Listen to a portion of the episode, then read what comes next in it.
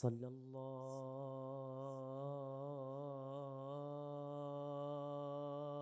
عليك يا أبا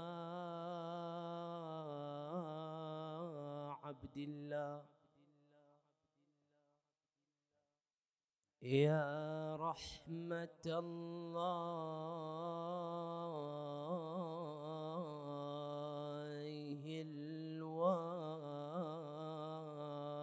الواسعة ويا باب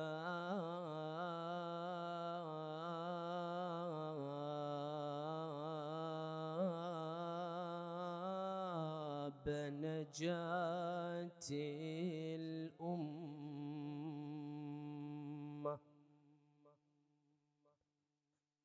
يا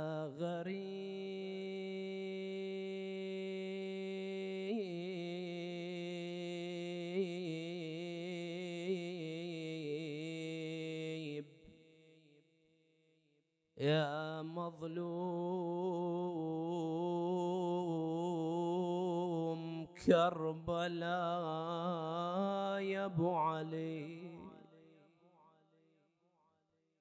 ما خاب من تمسك بكم.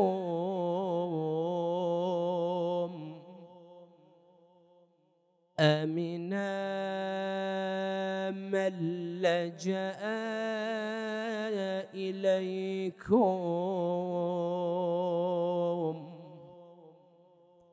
يا ليتنا كنا معكم.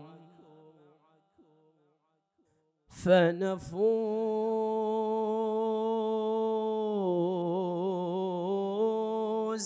فوزا عظيما.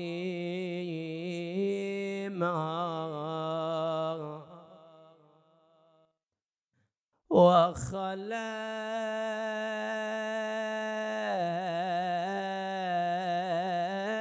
منازلهم فها هي بعدهم. قفرا وما فيها سوى الأوتاد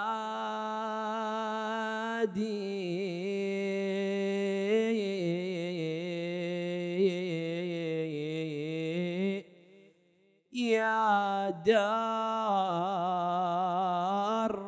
أين مضى ذوك أمالهم؟ بعد الترحل عنك يوم معادي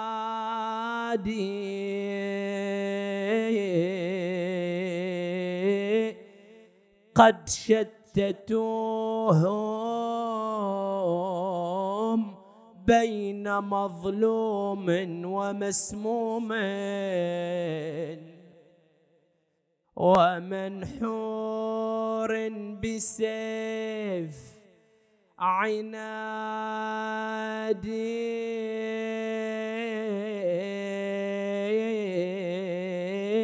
هذا بسامرة وذاك بكربلاء. وبطوس ذاك وذاك في بغداد.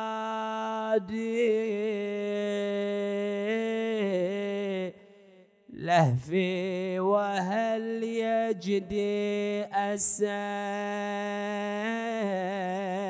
لهفي على موسى بن جعفر علة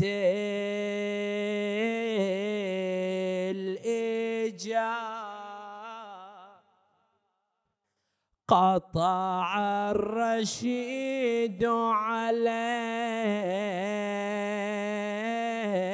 فرض صلاتي. قسرا وأظهر كامنا الأحقى آه حتى إليه دسسوا من قاتلا. فأصاب أقصى منيتين ومراد وضعوا على جسر الرصافة نعشه وعليه نادى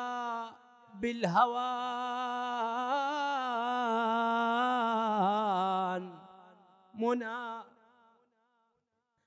ما شاف في الدنيا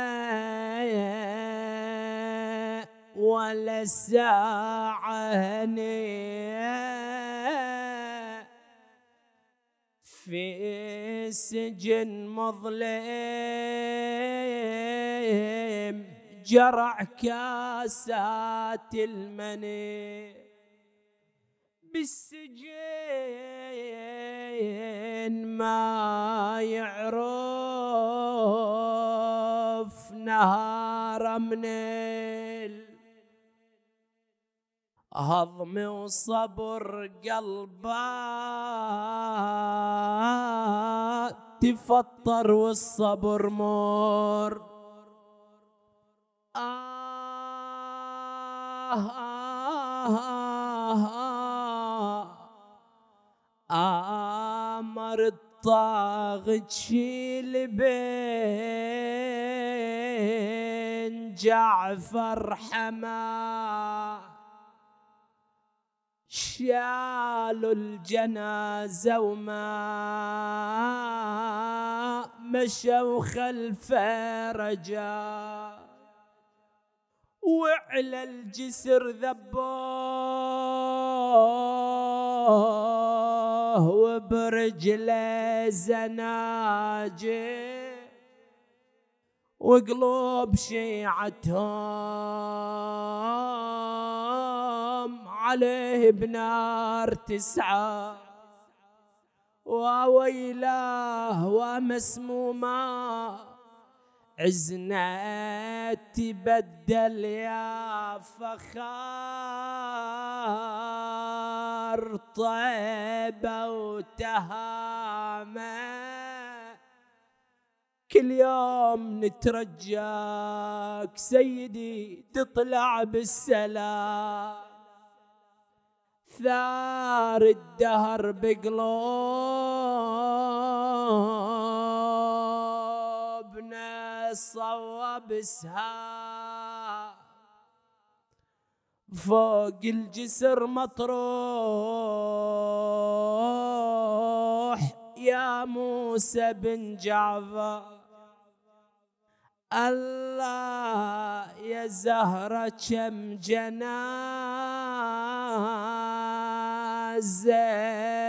من بنينك ظلت بلموارا. وشفتيها بعين. والسبب كله من الذي سقاط. ورث علينا الهضام والحسرات والنار فوق السطح واحد ثلاث أيام خلو. واحد على حمام الفوق الجسر ذبو. وأما غريب الغاضر بخيل داسو. وكم طفل يم حسين برد الطف مذبوح. بأية حال رفع إمامكم من الطامورة. تتحملها. شالوه من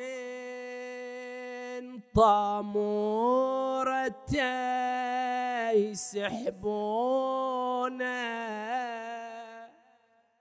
وجابوا حمام الأربعة يحملونه شفتون ميت قابلهم قيدينا هل متفت قلوبنا من حالة وذيك الجنازة على الجسور خلوها والأغلال عن جسمه فلا شالوه ينزف دماء وبين الملأ خلوها. ما شفنا ميت مقيد بأغلال. آه.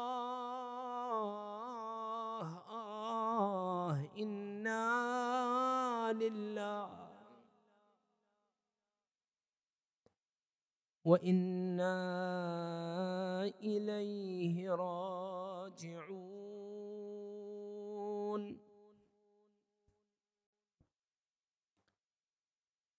قال جل وتعالى في محكم كتابه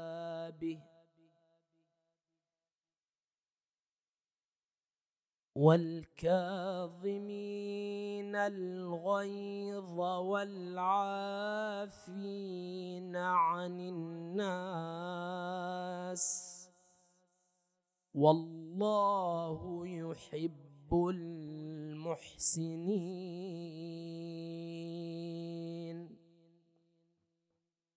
نوروا مجلسكم بالصلاة على محمد وآل محمد.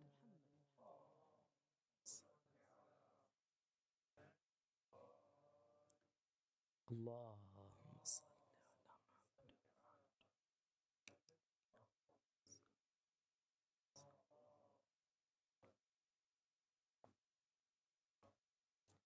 الكلام ونحن في رحاب أبي الحسن موسى بن جعفر عليه الصلاة والسلام إلى محاور ثلاثة. المحور الأول في بيان بعض أوضاع زمن الإمام الكاظم عليه الصلاة والسلام. والمحور الثاني في بيان الأدوار التي قام بها عليه الصلاة والسلام. والمحور الثالث في بيان تكامل أخلاق الإمام.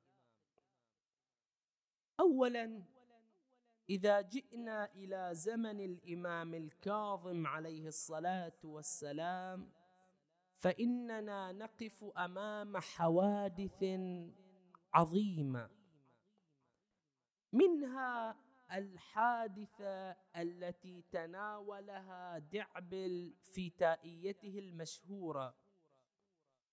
قال قبور بكوفان وأخرى بطيبة وأخرى بفخ نالها صلواتي. حادثة من أكبر الحوادث التي وقعت على أهل البيت هي وقعة فخ. ووقعت في زمن الهادي موسى وهو أحد الولاة العباسيين. كان يتتبع أهل البيت تحديدا ومواليهم عموما من كل الأقطار. ويعين أشد الناس حقدا على أهل البيت ولاة. فعين واليا في المدينة. فكان هذا الوالي يضطهد الإمام الكاظم عليه الصلاة والسلام. ويأمر العلويين أن يأتوا إلى قصره صباحا ومساء للعرض. وبالغ في امتهانهم فافترى على أهل البيت من أولاد الإمام الحسن والحسين أنهم يشربون الخمر. فجلدهم مئتي جلده جاوز الحد. وافترى. ثم أمر بهم أن يدار بهم في الأسواق وهم مكشوف الأظهر. هنا ثار العلويون. وكان قائدهم الحسين بن علي بن الحسن بن الحسن بن الحسن بن علي بن أبي طالب. أو الحسين بن علي كما يقولون ابن الحسن المثلث لأنه الحسن بن الحسن بن الحسن ابن أمير المؤمنين عليه الصلاة والسلام. فتجمع حوله أهل المدينة والعلويون وثاروا في وقعة فخ. فأرسل هذا الخليفة العباسي جيشا إلى المدينة وحوصروا في وادي الفخ وقتل الرجال وصنع بهم بالضبط ما صنع في كربلاء. سبيت النساء وأحرقت الديار وأخذوا وأخذت الرؤوس إلى بغداد. وأما الأجساد فزادت على أجساد كربلاء. تركوها في العراء تقول الروايات حتى أكلتها الضباع.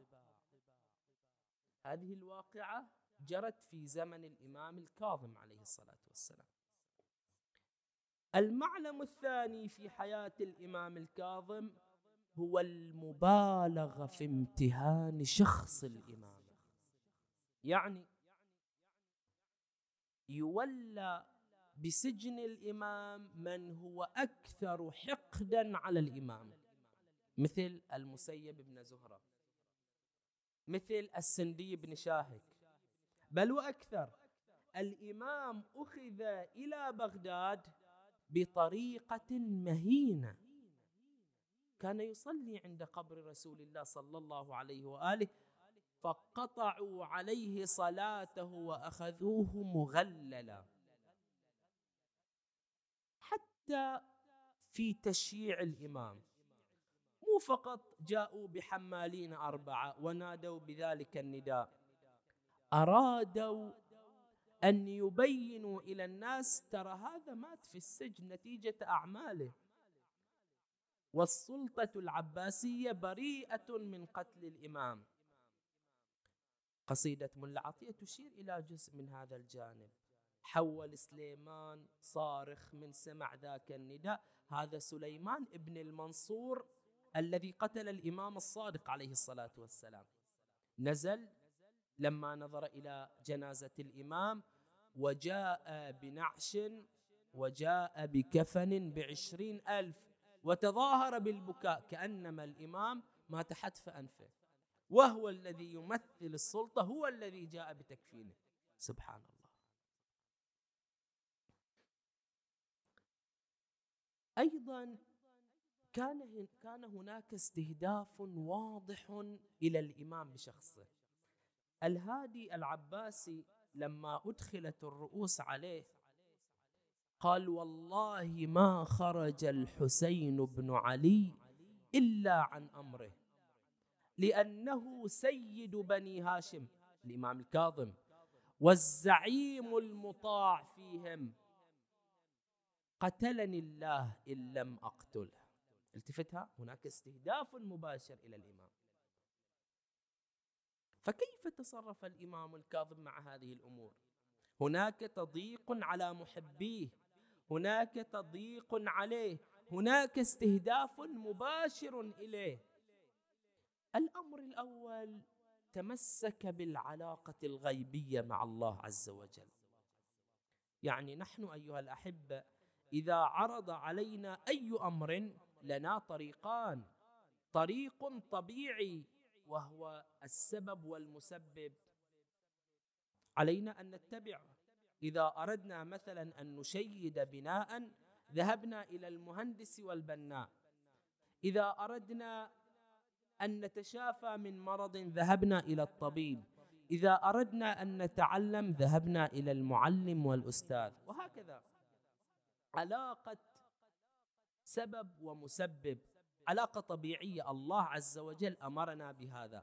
ولكن أيضا كمسلمين علينا أن نهتم بالعلاقة الغيبية. الذين يؤمنون بالغيب ويقيمون الصلاة ومما رزقناهم ينفقون. يعني أصبت بمرض شاف الله جميع المرضى. وأبعد عنا البلاء.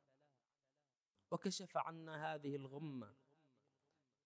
أذهب إلى الطبيب صحيح ولكن تارة الطبيب يوفق إلى التشخيص وتارة لا يوفق. يعطيني الدواء. تارة الدواء يكون مفيدا وتارة لا يكون مفيدا. الدواء تارة تكون له آثار جانبية وتارة لا تكون.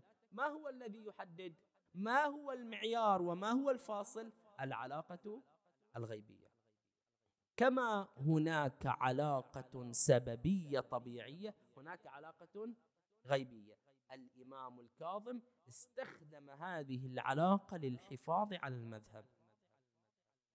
كتب إليه علي بن يقطين لما سمع كلام الهادي العباسي أنه يتوعد الإمام بالقتل. فوصل الكتاب إلى الإمام الكاظم عليه الصلاة والسلام عرضه على شيعته وأهل بيته. قالوا يا أبا الحسن أما وأنه توعدك بالقتل فعليك أن تغيب نفسك. فتبسم الإمام ودخل إلى غرفته.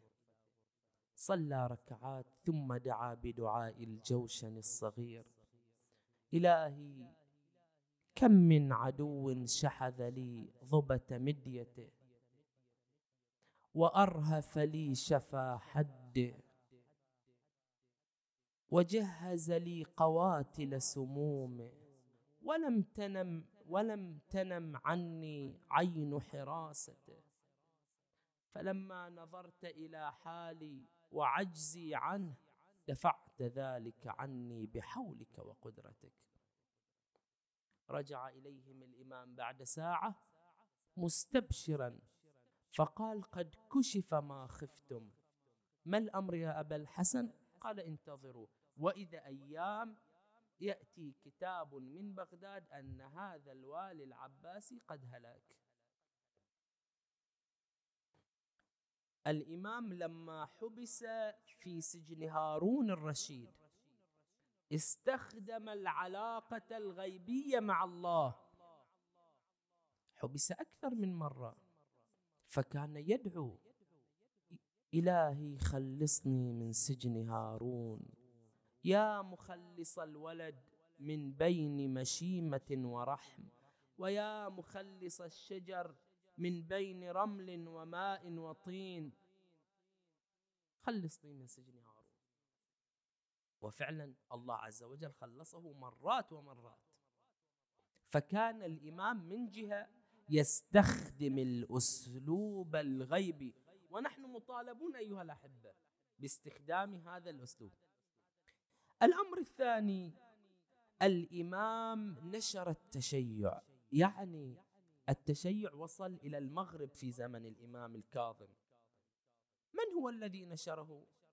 نشره أبناء الإمام الحسن امتثالا لأمر الإمام الكاظم.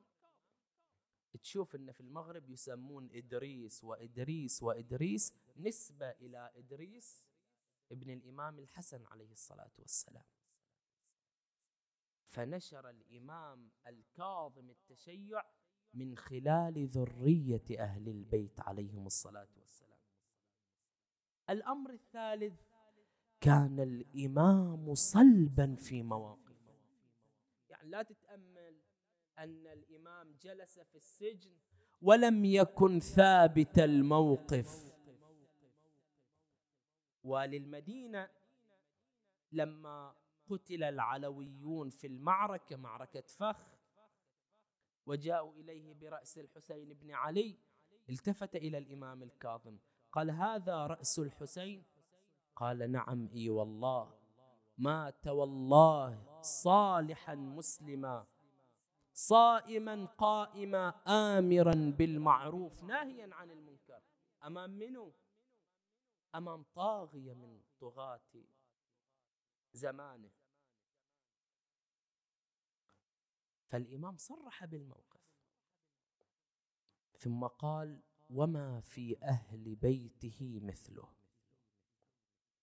هارون الرشيد بعث بأحد ولاته إلى الإمام الكاظم في سجنه.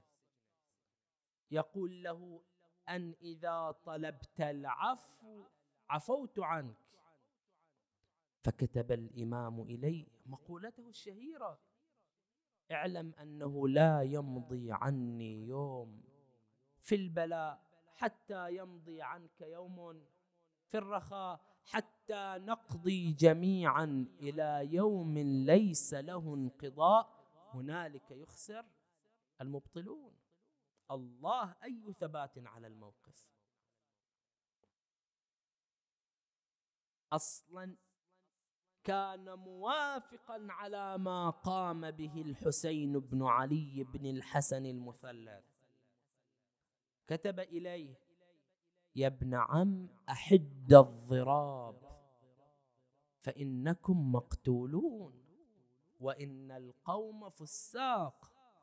يظهرون إيمانا ويبطنون شركا ونفاقا. فإنا لله وإنا إليه راجعون وعند الله أحتسبكم من عصبة.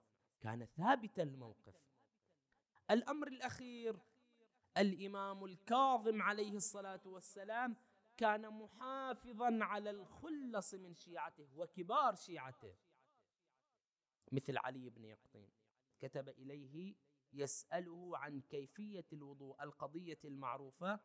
فرد الإمام الكاظم بالجواب قال إذا أردت الوضوء فاغسل وجهك واغسل رأسك ثلاثة ثم امسح ظاهر أذنيك وباطنهما ثم اغسل يديك ورجليك فالتفت الرشيد. قال يقال أن علي بن يقطين يظهر التسنن ويبطن التشيع أراد أن يختبره فنظر إلى هذه الكيفية في الوضوء. فقال كذب من افترى على ابن يقطين. ثم بعد ذلك الإمام الكاظم يبعث جوابا اخرا إلى علي بن يقطين. يأمره أن يغسل وجهه مرة والمرة الأخرى ندبة وأن يغسل يديه من المرافق وأن يمسح بالبلل المتبقي على مقدم رأسه وعلى رجليه. فقد رفع الأمر الذي كان يخاف عليه منه. كان يحافظ على هذه الفئة من الشيعة الخلص من شيعته. طيب بقي أن نتكلم عن مكارم أخلاق الإمام الكاظم.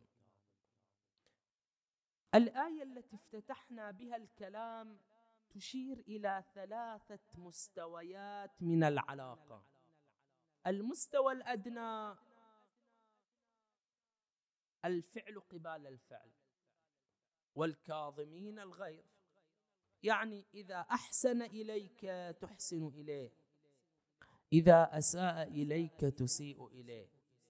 الإمام ما اكتفى بهذا الأمر. هناك مستوى أعلى والعافين عن الناس. يسيء إليك أنت تتجاوز عنه. الإمام ما اكتفى بهذا المستوى. هناك المستوى الأرقى في المعاملة. والله يحب المحسنين.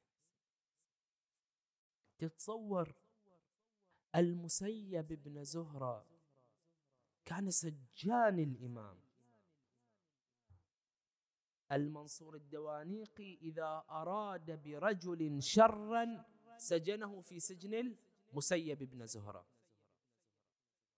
فإذا به يصبح من كبار شيعة الإمام. ومن رواة حديث الإمام الكاظم عليه الصلاة والسلام في أشد من السندي بن شاهك وما صنع بالإمام. تقول الأخبار. لما دس إلى الإمام السم صار يتقلب يمينا وشمالا وحيدا في السجن. لما فارق الإمام الحياة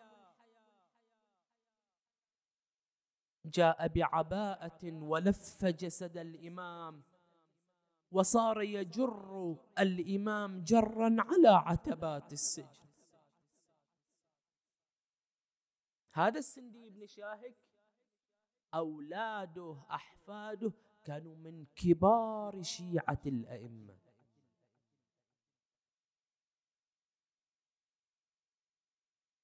كشاجم هذا حفيد السندي بن شاهك كان من خلص أصحاب الإمام الرضا عليه الصلاة والسلام لأي سبب؟ لأن أخت السندي بن شاهك كانت تقدم إلى الإمام رغيف خبز في اليوم فكانت ترى الإمام قائما وقاعدا راكعا وساجدا فأصبحت متشيعة من أفعال الإمام الكاظم وهي التي ربت هذا فأصبح من شيعة الأئمة. الله سيدي يا باب الحوائج. أيها الغريب يعز علينا في مثل هذا اليوم ألا تضج المآتم وتمتلئ بالنداء وإماما هو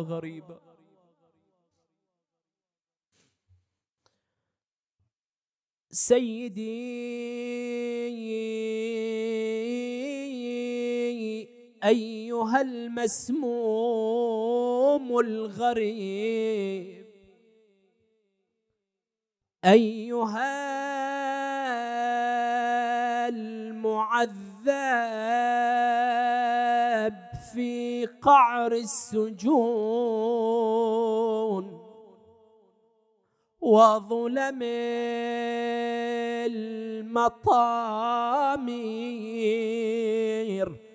ذي الساق المرضوض بحلق القيود. والجنازة المنادى عليها بأي نداء يا موالين بذل الاستخفاف والوارد على رسول الله مسموما مظلوما. تضج له الأملاك والأفلاك وإماما. وغريبا الشيعة صاروا يترجون ظهور الإمام. حالهم كحالنا متى ترانا ونراك يا أبا الحسن؟ طالت الغيبة يا مولاي. فسألوا السندي ما رد عليهم جوابا. سألوا المسيب أخبرنا عن حال الإمام. قال أراه متغير الألوان ناحل البدن يصوم نهارا ويقوم ليلا فضجوا ينادون وإماما. فصل لنا عن أحواله. اسأله متى يكون الفرج؟ سأل الإمام. قال الفرج على جسر الرصافة في يوم الجمعة. لكن إيش حالة الإمام؟ قال لهم أشوف مشتغل. دام بسجوده. ويبكي إلى المعبود ويعفر خدود. لازم صلاة الليل وبرجله قيوده. بهالحال يقضي الليل ونهاره يصوم. قالوا دنشده عن فرجنا يمتهكوا. سالم يجينا لو يموت بسجنها. قال المسيب شيعتك عنك ينشدو. والكل على الخدين عبرات سجومة. قال الوعد فوق الجسور. خلهم يجوني. فوق الجسر كلهم طبق ويقابلوني. خلهم يجوني والمقار يشيعوا ملزوما اطلع من الطامور المشوم. ألا هل من مناد وإماما. أجركم الله أحسن لكم العزاء. كان الإمام الكاظم إذا ضاق عليه السجن صعد إلى أعلاه.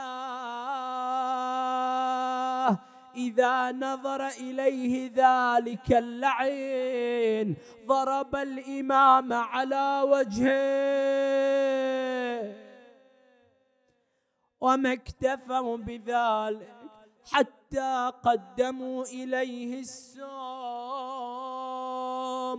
تناول الإمام السوم فأحس بأمعائه تتقطع.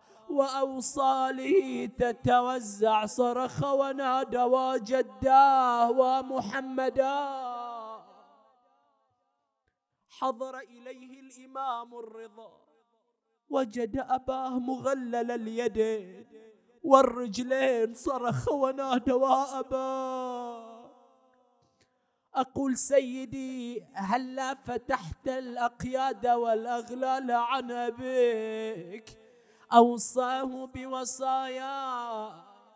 عهد إليه بمواثيق النبوة والإمامة غمض إمامكم عينيه أسبل يديه مدد رجليه. أطبق فا وفاضت روحه المقدسة.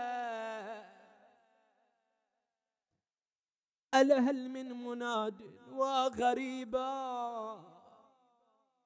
ومسموما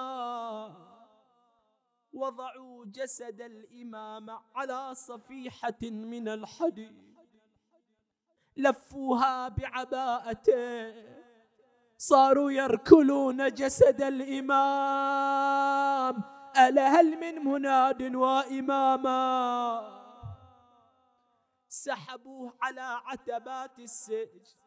يقول ابن سويد نحن ننتظر الإمام. الصغير يسلي أخاه الكبير يسلي الصغير. استبشروا. اليوم يظهر الإمام أبو الحسن وإذا بجنازة يحملها أربعة حمالون. وسمعنا أصوات الحديد والمنادي ينادي من أراد أن يتفرج على إمام الرافضة فليتفرج. ما يكسر قلبك هذا الغريب. وضعوه على جسر الرصاف. أصبحت بغداد كلها على الجسر متجمعة. هذا متشمت وهذا فوق خده مدمعه والقلب والجنازة على حمام الأرباب وفوق ذاك الجسر ذبة ومهجتك يا مرتضى. وقف يم جنازته يا ابن سويد وياه الطبيب. شال جفده وشمه وارتفع منه. وقال هذا لعشيرة لو بلدتكم. غريب كان تسأل عن سبب موته ترى بالسم قضى. يقول ابن سويد وضعوا النعش على جسر الرصاف. كان جانبي طبيب نصراني. قلت هلا كشفت عن هذا الميت كشف الرداء. أخذ يد الإمام. نظر إليها متغيرة اللون. طأطأ راسه سالت دموعه على خده. قال يا ابن السويد إن كان له أهل وعشيرة فقد مات مسموم يا خلق شفتوا جنازة.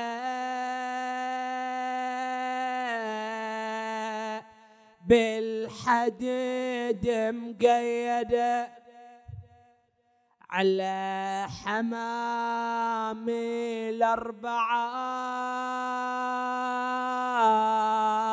تبكي لحالتها العدا حول سليمان صارخ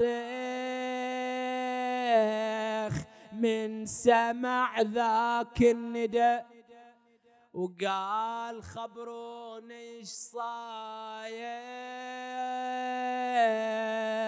ضاق برحب الفضاء وغسلا وشيخ العشيرة بالمعزة وجهزوا برده بعشرين ألف جسم بن جعفر كفنوا ونادى المنادي يا شيعة إمامكم قوم احملوا. فرت الشيعة بحسرة للسرير معرضة. آه, آه بيحالة يا ملا عطية. قالوا ما حلا مشيت الشيء عام ورا نعشل كاشفين الروس جملة من الشرى سود الأعلى والنساء نشرت شعرها والزلم تلطم لها على إمام ميت بالسجن ما حد غمضه وعن غريب الغاضرية وأنا راحت شيعته لا تحضره وقابل مد تدوس الأعادي جثته. سمعة والحورة تنخي من يشيله. الإمام الكاظم قضى غريبا قضى وحيدا.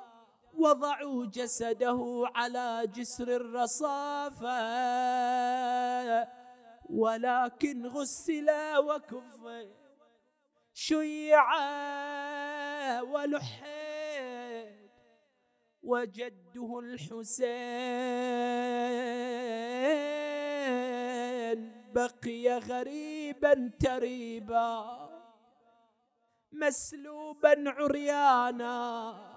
بيت الدعاء وأسألك الدعاء لشفاء المرضى لقضاء الحوائجها. إي والله مات الامام اللي جرع بالسم كاسة.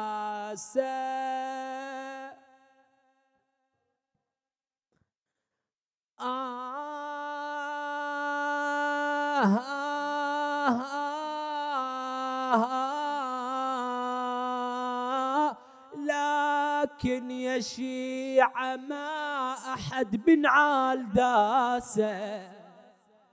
إي والله ولا سمعنا في طشت كسرى وأضرار آه.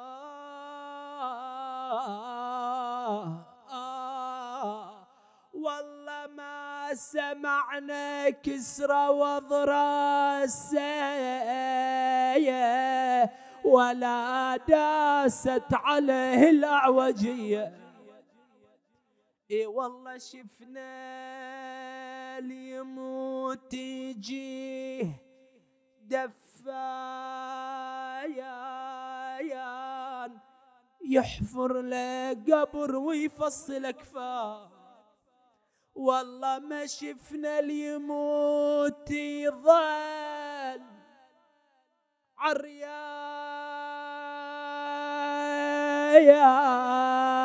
عريان. خلوه عريان. قال لا وتلعب عليه الخيل ميدان يان وتلعب عليه الخيل.